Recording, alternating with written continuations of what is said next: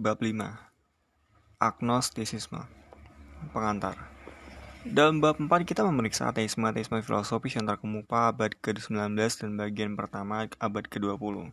Kelihatanlah bahwa ateisme secara filosofis sulit dipertahankan. Sebenarnya, hal itu mudah dimengerti. Kalau menurut ateisme eksistensi Tuhan tidak dapat dibuktikan, hal itu lebih lagi berlaku bagi non-eksistensi Tuhan. Tidak mungkin membuktikan bahwa sesuatu tidak ada, kecuali dalam ruang terbatas. Dalam bahasa logika, pernyataan bahwa sesuatu itu tidak ada hanya dapat dibuktikan kalau sebuah himpunan yang terbatas, tak pernah dalam himpunan yang tak terbatas. Kita dapat membuktikan bahwa tidak ada sauras dalam kamar kerja dosen ilmu hayat. Bahkan kalau kita melakukan pengamatan total bahwa tidak ada sauras di seluruh planet bumi, tapi kita tidak dapat membuktikan bahwa sama sekali tidak ada sauras bahwa Tuhan tidak ada sama sekali tidak dapat dibuktikan. Apalagi kalau orang mengikuti empirisme yang hanya menganggap sah pengertian yang berdasarkan panjang indera.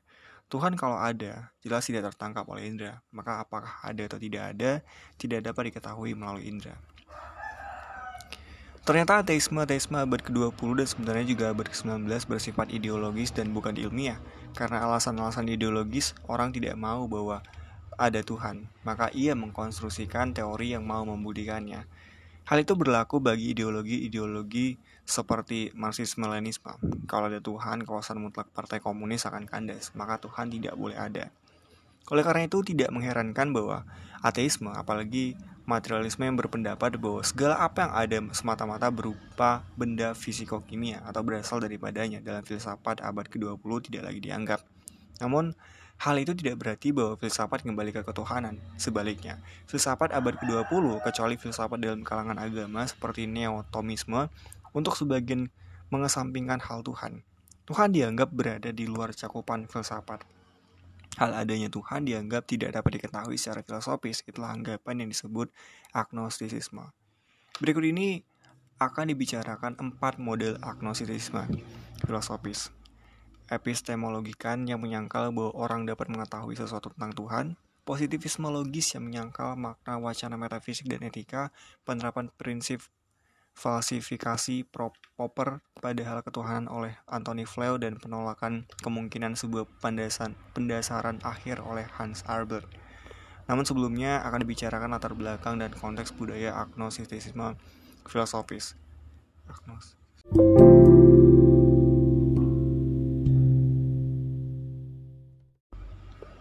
Bagian 1 Relativisme religius dan sekularisasi kehidupan Agnostisisme filosofis di satu pihak lebih toleran daripada ateisme. Agnostisisme tidak menolak adanya Tuhan, malah menyangkal adanya Tuhan dianggap sebagai ketinggalan zaman. Tetapi di jalan di lain pihak, agnostisisme tidak mengakui rasionalitas wacana Tuhan. Orang percaya orang percaya pada Tuhan boleh, tapi hal itu dianggap termasuk selera pribadi. Yang ditolak oleh agnostisisme bahwa hal ketuhanan dapat dihubungkan dengan klaim kebenaran. Kepercayaan religius menjadi unsur dalam estetika jiwa. Silakan orang percaya apa yang sesuai dengan kecenderungan pribadinya, bukan karena Tuhan memang ada dan manusia dianggap wajib menyembahnya. Debat antara agama-agama tentang man mana yang lebih benar serta semangat penyebaran agamanya sendiri sebagai agama yang benar dianggap kampungan. Sama seperti kalau orang mau meyakinkan orang lain bahwa hendaknya ia berhenti mendengarkan The Beatles dan menggantikannya dengan Beethoven. Implikasinya adalah relativisme agama total. Agama tergantung dari selera orang, selesai. Maka agama memang menjadi urusan pribadi, bahwa agama-agama besar memiliki nilai-nilai luhur diakui dan karena itu sumbangan agama-agama bagi moralitas bangsa dihargai. Sikap ini sesuai dengan sekularisasi kebudayaan yang menjadi ciri khas masyarakat barat sejak pertengahan abad ke-20.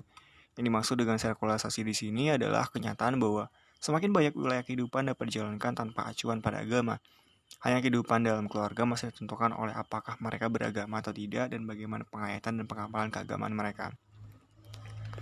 Tetapi dalam kehidupan profesional, misalnya sebagai dokter atau dosen, afiliasi religius tidak masuk, orang dapat melakukan profesi-profesinya, serta berkomunikasi dengan lancar dengan rekan-rekan seprofesi maupun dengan para klien tanpa sedikit pun harus mempermasalahkan keyakinan beragama. Hal yang sama berlaku untuk sebagian besar bagi bidang kehidupan budaya dan seni bagi fasilitas rekreatif dan juga bagi karir politik meskipun di situ afiliasi keagamaan biasanya akan diketahui. Hal itu di satu pihak merupakan suatu kemajuan. Perbedaan dalam hal agama tidak lagi memecah belahkan masyarakat. Di lain pihak, keagamaan sendiri semakin terdesak ke samping sehingga intensitas kehidupan beragama berkurang dengan tajam. Seakan-akan budaya konsum konsumerisme dan fokus pada hak, hak untuk menikmati kebahagiaan mendesak perhatian pada agama ke samping. Karena itu, keyakinan beragama menjadi urusan pribadi, sesuai dengan keyakinan bah bahkan selera orang masing-masing, orang lain tidak akan mencampurinya.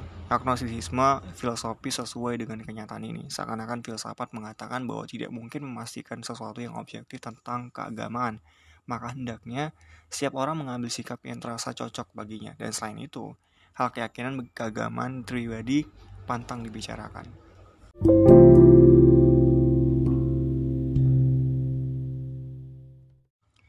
Bagian 2 Immanuel Kant dan filsafat ketuhanan Immanuel Kant 1724 sampai 1804 masuk ke dalam sejarah filsafat sebagai sang penghancur metafisika. Dalam kritik akal budi murni, Critic of Pure Reason, karyanya yang paling termasyur, Kant menyatakan kegagalan segala usaha metafisika.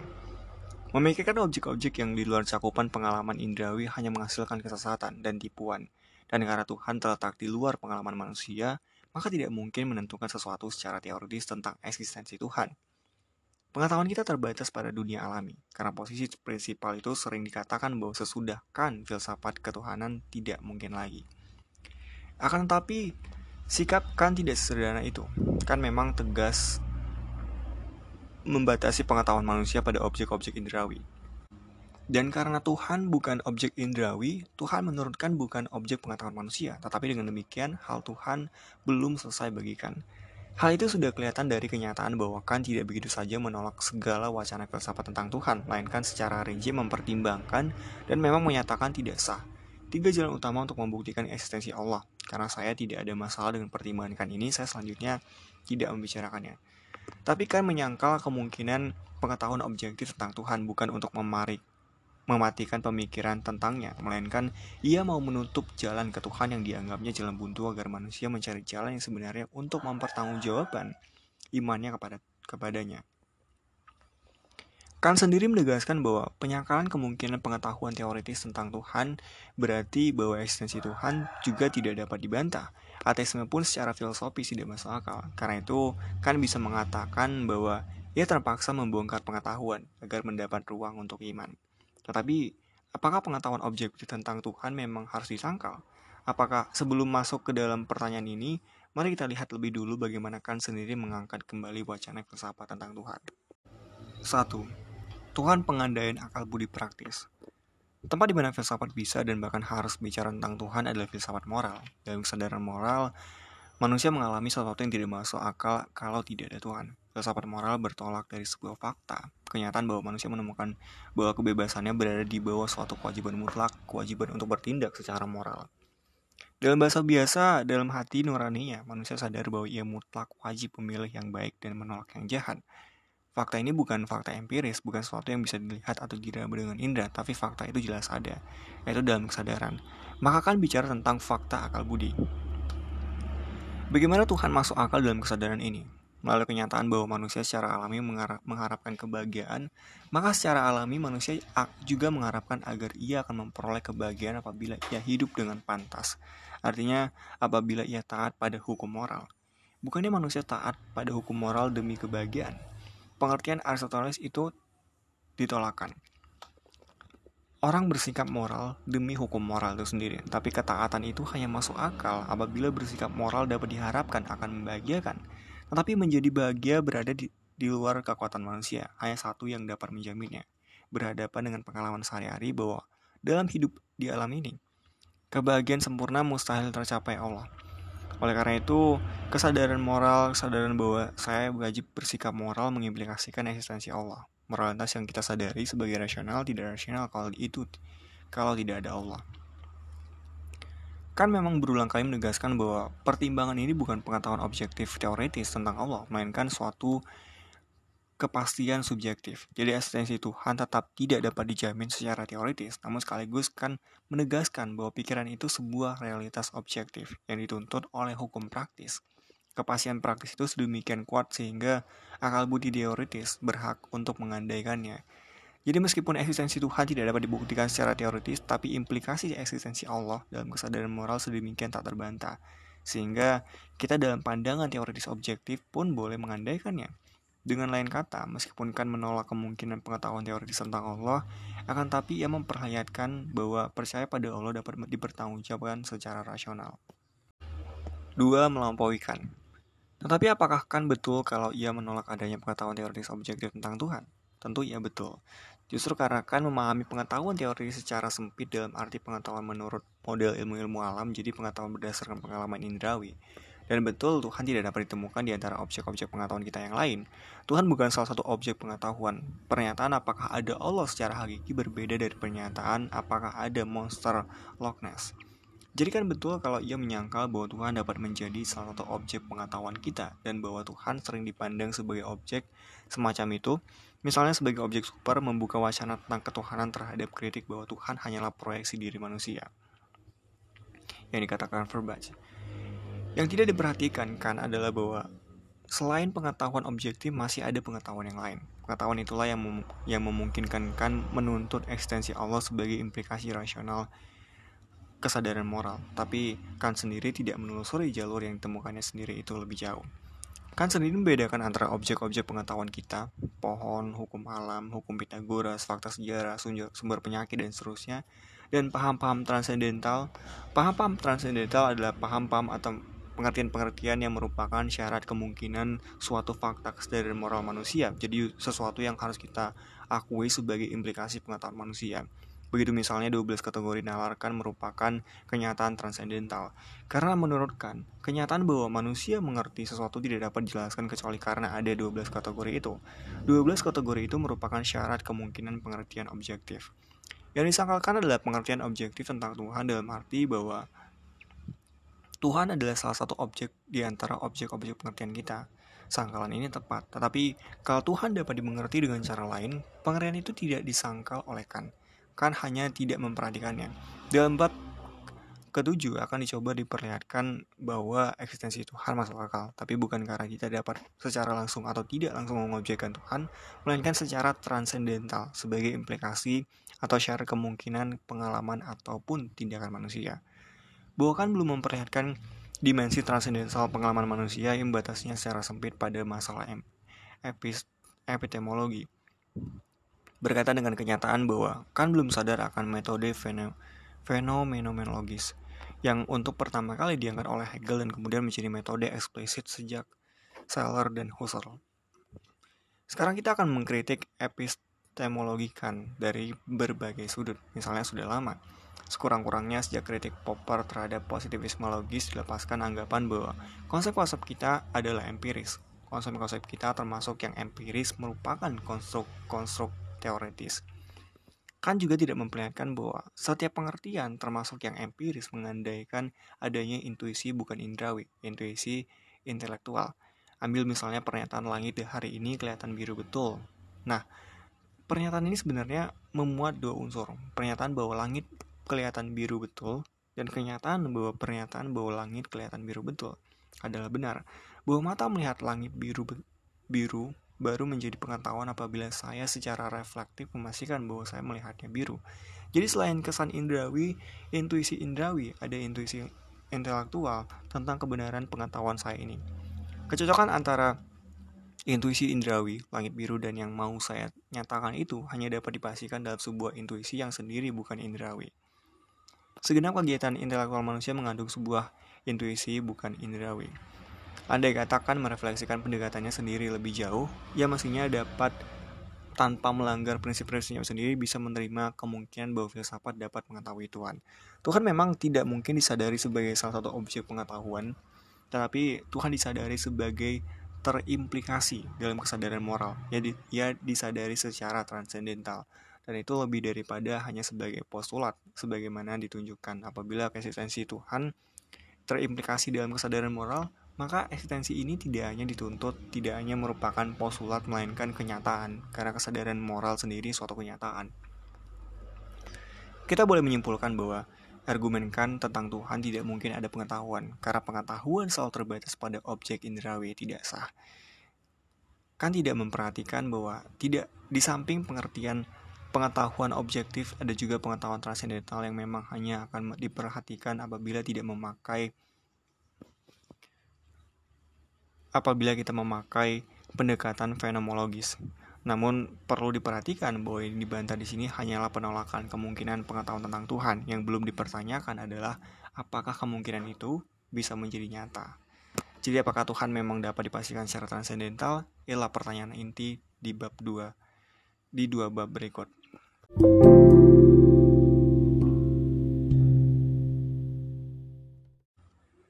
Bagian 3 Positivisme logis Positivisme logis adalah nama aliran filsafat tahun 20-an dan 30-an abad ke-20 yang dengan paling radikal menolak kemungkinan metafisika dan etika.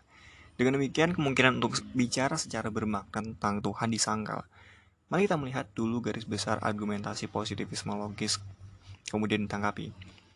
Pada pertengahan tahun 20-an abad ke-20, sejumlah pemikir dari berbagai ilmu sering berkumpul di Wina, ibu kota Australia untuk bersama-sama membahas bagaimana ilmu-ilmu dapat diberi sebuah pendasaran filosofis. Di antara mereka yang sangat terkenal adalah Maurice, Maurice Slick dan Rudolf Carnap. Mereka bercita-cita mengembangkan filsafat yang sama eksak, jelas, dan logis dengan ilmu pasti dan ilmu-ilmu alam. Mereka berobsesi membersihkan filsafat dari masalah-masalah semu dengan analisa bahasa sebagai alat pembersih. Menurut positivisme logis, hanya ada dua macam kalimat yang mempunyai arti rasional. Artinya dapat ditunjuk bisa benar atau salah, yaitu kalimat-kalimat yang murni, analitis, dan pernyataan empiris. Kalimat analitis adalah kalimat di mana predikat tidak mengatakan lebih daripada yang ada di subjek kalimat. Di sini menurut mereka termasuk kalimat ilmu pasif, ilmu ukur, dan logika.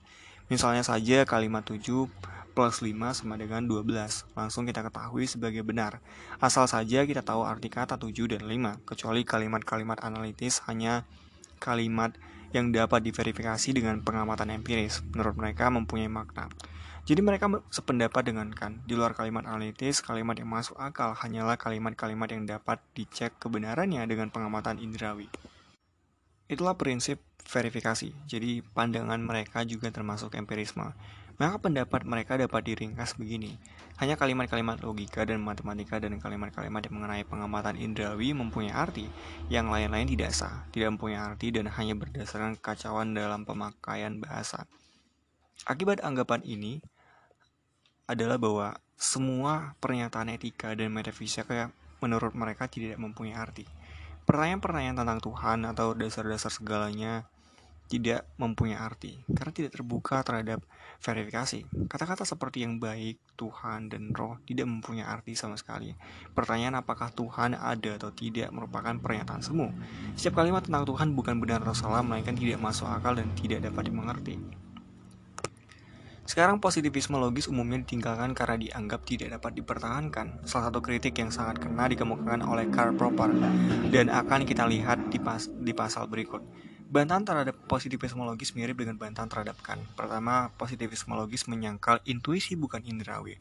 Tapi sama seperti terhadap Kant, positivisme logis pun harus ditanyai bagaimana kebenaran kalimat bahwa 7 plus 5 sama dengan 12 dapat dapati ditangkap kecuali lewat intuisi bukan indrawi. Tetapi argumen utama menyangkut prinsip verifikasi. Prinsip verifikasi menyatakan bahwa hanya pernyataan yang dapat dicek kebenarannya, tetapi empiris mempunyai makna. Tetapi apakah prinsip verifikasi sendiri dapat dibuktikan benar tanpa mengandaikan apa yang justru oleh prinsip verifikasi sendiri disangkal? Andai kata prinsip verifikasi betul, maka yang betul adalah bahwa hanya pernyataan yang dapat dicek kebenarannya pada pengamatan indrawi mempunyai makna rasional. Tapi apakah pernyataan ini sendiri dapat dicek pada pengalaman empiris? Tentu tidak. Pernyataan ini berstatus logis, tapi tidak analitis, dan kebenarannya hanya dapat dipastikan secara intuitif. Maka menurut pengandaian positivisme logis sendiri, prinsip verifikasi tidak mempunyai makna, alias tidak berguna untuk membuktikan sesuatu apa pun. Secara pendek, prinsip verifikasi tidak berlaku karena kalau berlaku, prinsip verifikasi tidak berlaku.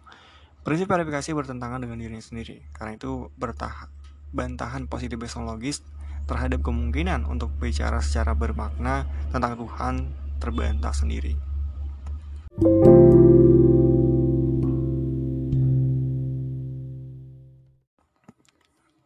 Bagian 4 Prinsip falsifikasi dan ketuhanan. Satu Falsifikasi. Adalah Karl Popper 1902 sampai 1994 yang membuktikan bahwa prinsip verifikasi tidak berguna sebagai alat pengecekan rasionalitas sebuah hipotesa ilmiah. Hipotesa ilmiah merumuskan sebuah hukum yang berlaku umum. Misalnya, bahwa semua burung gagak hitam warnanya, tetapi yang dapat diverifikasi selalu hanya satu peristiwa tertentu, tidak pernah bahwa peristiwa itu berdasarkan sebuah hukum umum. Kalaupun semua burung gagak yang muncul sampai hari ini berwarna hitam, akan tapi dari mana kita tahu bahwa di masa depan tidak pernah akan ada burung gagak putih muncul. Jadi bahwa burung gagak yang tidak hitam tidak mungkin. Maka rasionalitas sebuah hipotesa tidak bisa diverifikasi dengan pengamatan, tapi yang mungkin adalah falsifikasi. Begitu ada seekor burung gagak jingga muncul, hipotesa bahwa hipotesa bahwa semua burung gagak berwarna hitam runtuh untuk selamanya. Maka yang dituntut agar sebuah hipotesa dapat disebut masuk akal bukan kemungkinan verifikasi yang tidak mungkin, melainkan kemungkinan falsifikasi. Jadi agak sebuah jadi agar sebuah pernyataan umum boleh dianggap rasional, harus ada kemungkinan untuk memfalsifikasinya.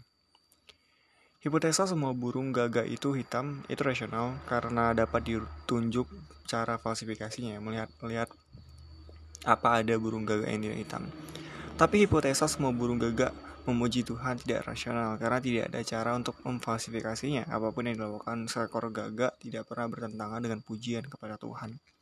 Maka kita dapat mengetahui apa yang dimaksud dengan pernyataan bahwa semua burung gagak hitam. Akan tapi pernyataan bahwa semua burung gagak memuji Tuhan tidak bisa dimengerti maksudnya. Prinsip falsifikasi ini merupakan tantangan serius tentang segenap wacana tentang Tuhan, bukan dalam arti empirisme yang akan menuntut adanya kemungkinan pengamatan empiris untuk memfalsifikasikan pernyataan ada Tuhan. Popper menolak empirisme, ia bahkan membuktikan bahwa pernyataan empiris singular di sini sekarang sedang hujan tidak dapat dibuktikan dengan menunjuk pada pengamatan empiris dengan melihat keluar jendela dan jelaslah bahwa kalau ada Tuhan, Tuhan itu bukan bagian dunia empiris, maka ada tidaknya Tuhan tidak dapat difalsifikasikan dengan pengamatan empiris. Yang menjadi masalah adalah pernyataan kaum beriman tentang sifat-sifat yang diyakini dimiliki Tuhan. Misalnya bahwa Tuhan adalah maha tahu, maha kuasa, maha baik, maha adil, dan maha belas kasih. Menurut para teolog, tak ada peristiwa dalam dunia yang dapat memfalsifikasikan atau membantah pernyataan-pernyataan ini.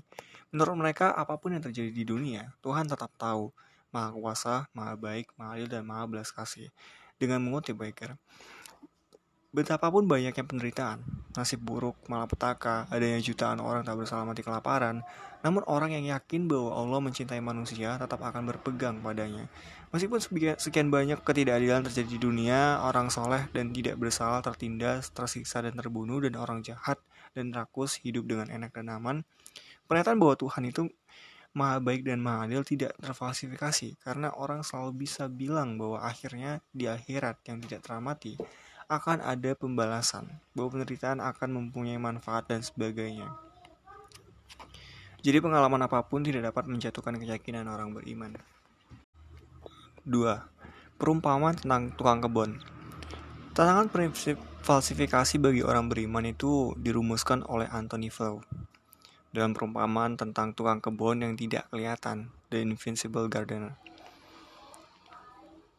Dua orang laki-laki dalam rangka sebuah ekspedisi masuk ke tempat terbuka di tengah hutan limbah. Di padang rumput itu banyak bunga secara rapi tertata. Yang satu mengatakan, padang ini pasti dipelihara oleh seorang tukang kebun. Yang satunya menyangkal untuk memastikan mana yang betul. Mereka memasang kemah di tengah padang bunga itu dan mengamatinya siang malam. Tidak pernah mereka melihat seorang tukang kebun di sana. Maka yang satu menjelaskan bahwa tukang kebun itu mesti tukang kebun tak kelihatan. Untuk mengecek hipotesa ini, mereka memasang pagar bermuatan listrik mengitari padang, tapi tak pernah ada tanda orang memanjatnya. Pagar tidak bergetar dan tidak terdengar teriakan orang tersengat listrik, namun yang satu tetap bertahan kalau begitu katanya. Tukang kebun itu tukang kebun yang tidak tertangkap dengan semua panca indera, namun tak mungkin tak ada tukang kebun. Akhirnya temannya tinggal teriak, apa perbedaan antara tukang kebun yang tidak dapat dilihat, didengar, diraba, dan dirasa dengan tukang kebun yang memang tidak ada? Dengan contoh ekstrim dan tidak nyata ini, Flow menyindir cara para teolog menghindar dari tuntutan falsifikasi pernyataan-pernyataan mereka. Adanya banyak ketidakadilan, kekejaman, penderitaan orang tak bersalah di dunia sebenarnya memfalsifikasikan pernyataan tentang Tuhan di atas. Kalau betul ada Tuhan yang baik, yang baik hati dan maha kuasa jadi yang dapat mengubah keadaan di dunia, tentu ia tidak akan membiarkan orang tak bersalah menderita secara mengerikan. Manusia biasa saja andaikan tahu tentang semua fakta itu dan mampu menguranginya dan sedikit saja memiliki rasa belas kasihan dan perasaan keadilan. Tentu akan langsung bertindak mengurangi penderitaan dan ketidakadilan itu. Maka mestinya fakta bahwa di dunia ada begitu banyak kekejaman, ketidakadilan, dan penderitaan memfalsifikasikan pernyataan bahwa ada Tuhan. Tapi para teolog akan menjawab, keadilan Tuhan itu lain, berbelas, berbelas kasihan Tuhan itu lain. Manusia hanya tak mampu untuk melihatnya dan lain sebagainya. Dengan cara pembelaan Tuhan itu, Tuhan menurut Flow mati kematian seribu penjelasan. A dead of a thousand qualification. Sebagaimana seorang tukang kebun yang nyata tapi tidak kelihatan, tidak kedengaran, tidak teramati sedikit pun akhirnya tidak dapat dibedakan dari tukang kebun yang tidak nyata. Begitu itulah sindiran Flow halnya Tuhan Apabila Tuhan adalah sang pengada, tahu, maha kuasa, maha adil, maha berbelas kasihan, namun kekejaman penderitaan dan ketidakadilan di dunia berlangsung terus. Ia tidak bisa dibedakan lagi dan pengada yang atau tidak maha ia tidak tahu apa yang terjadi di bumi atau tidak maha kuasa, ia tidak mampu mengubah situasi di bumi. Atau kalau ia memang tahu dan mampu bertindak, ia tidak maha adil dan maha berbelas kasihan, jadi ia tidak dapat dibedakan lagi dari yang bah yang bukan Tuhan. 3. Rasionalisme kritis Dalam bentuk berbeda, rasionalisme kritis menyangkal rasionalitas wacana tentang Tuhan. Rasionalisme kritis adalah nama untuk cara berpikir yang mengikuti Karl Popper, yang salah satu tokoh utamanya di Jerman adalah Hans Albert. Rasionalisme kritis menekankan validitas nalar manusia, artinya bahwa manusia tak pernah akan dapat mencapai kebenaran definitif. Ciri khas semua pernyataan ilmiah yang bermakna adalah bahwa mereka dapat difalsifikasi, dan karena itu tak pernah akan tercapai kepastian akhir tentang anggapan ilmiah apa pun. Percaya bahwa kebenaran akhir sudah ditemukan adalah wishful thinking. Maka menurut Albert, jangan membuat pernyataan tegas dan jangan merumuskan teori apa pun, kecuali sekaligus bersedia untuk terus-menerus berusaha untuk memfalsifikasikannya. Hal mana berarti bahwa selama falsifikasi tidak berhasil, pernyataan itu boleh dipertahankan. Menurut Albert, segala usaha untuk mempertahankan sebuah pernyataan sebagai kebenaran akhir yang tidak mungkin difalsifikasi dihadapkan pada hanya tiga kemungkinan yang tiga-tiganya tidak dapat diterima. Situasi itu, situasi itu disebutnya trilema Munchausen. Trilema. Karena situasi itu sebuah dilema. Tapi dengan pilihan bukan antara dua, melainkan antara tiga kemungkinan yang tiga-tiganya tidak dapat dipertahankan.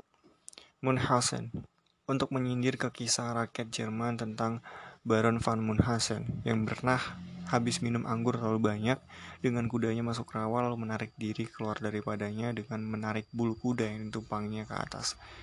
Menurut Albert, mereka yang mau memberitahu, memberikan sebuah penjelasan akhir tak terbantah tak perangkap dalam trilema Munchausen dan usaha untuk keluar daripadanya tidak lebih efektif daripada cara Baron van Munchausen untuk keluar dari sedotan rawa itu.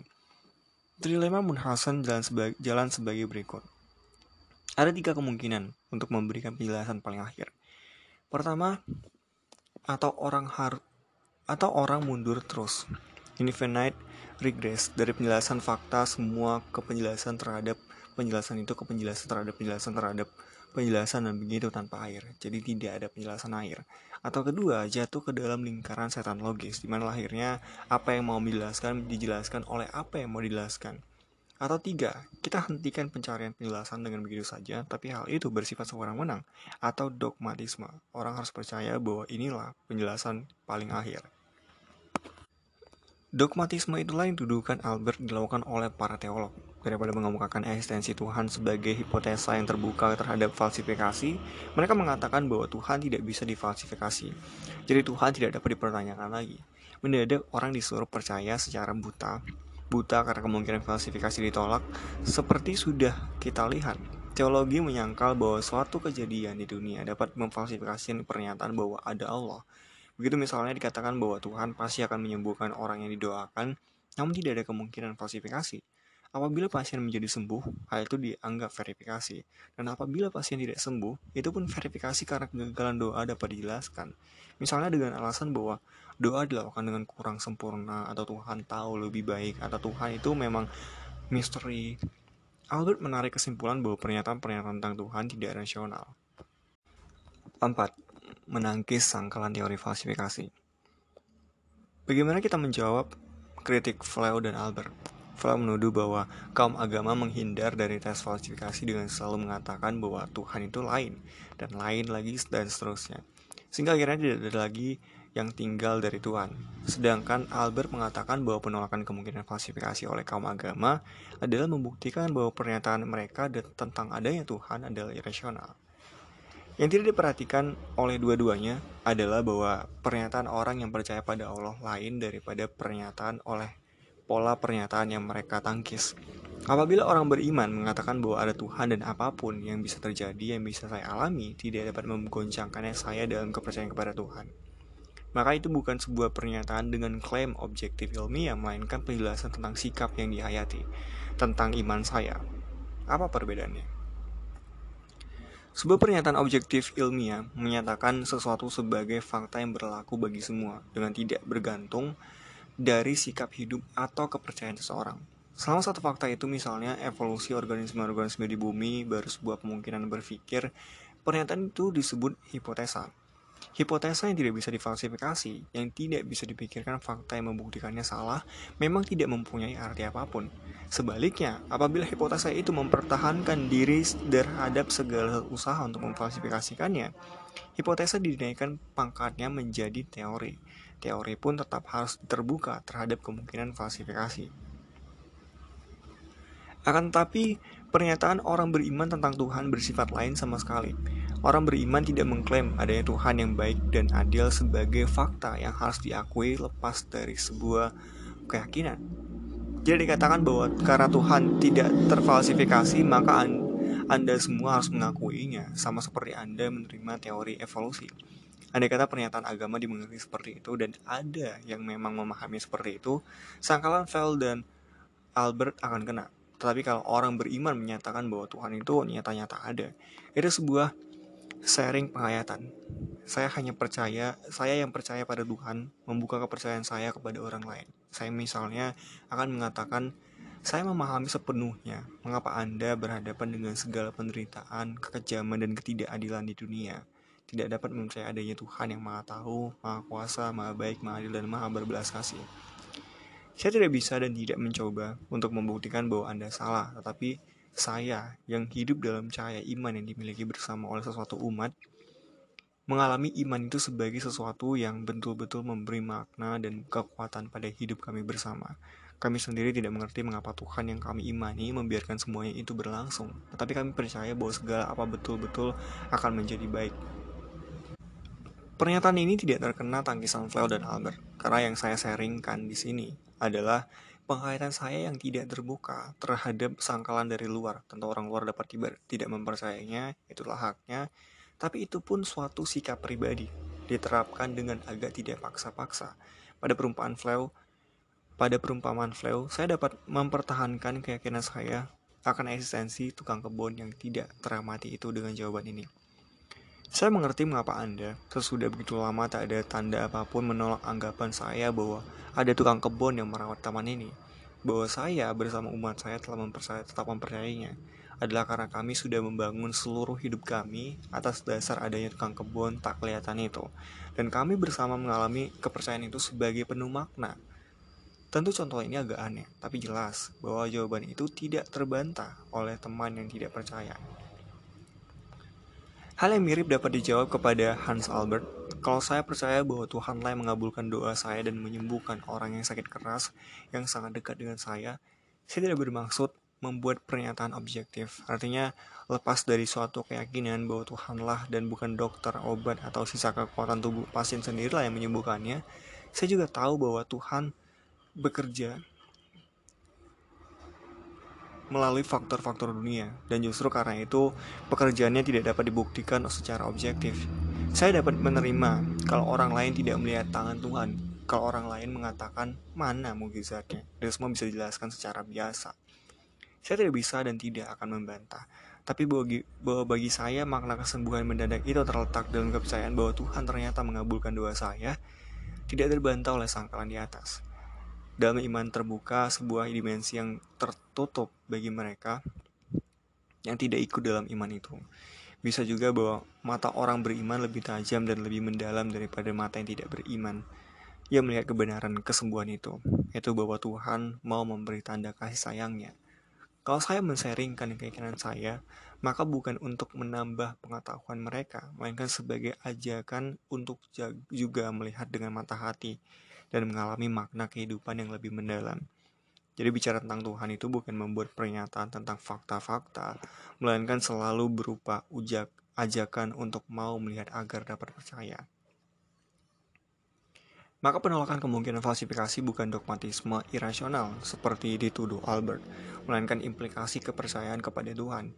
Mirip dengan kasus di mana berbagai kelakuan orang yang saya cintai yang oleh lingkungan dianggap tanda bahwa ia tidak setia, tidak dapat mematahkan kepercayaan saya pada kesetiaannya.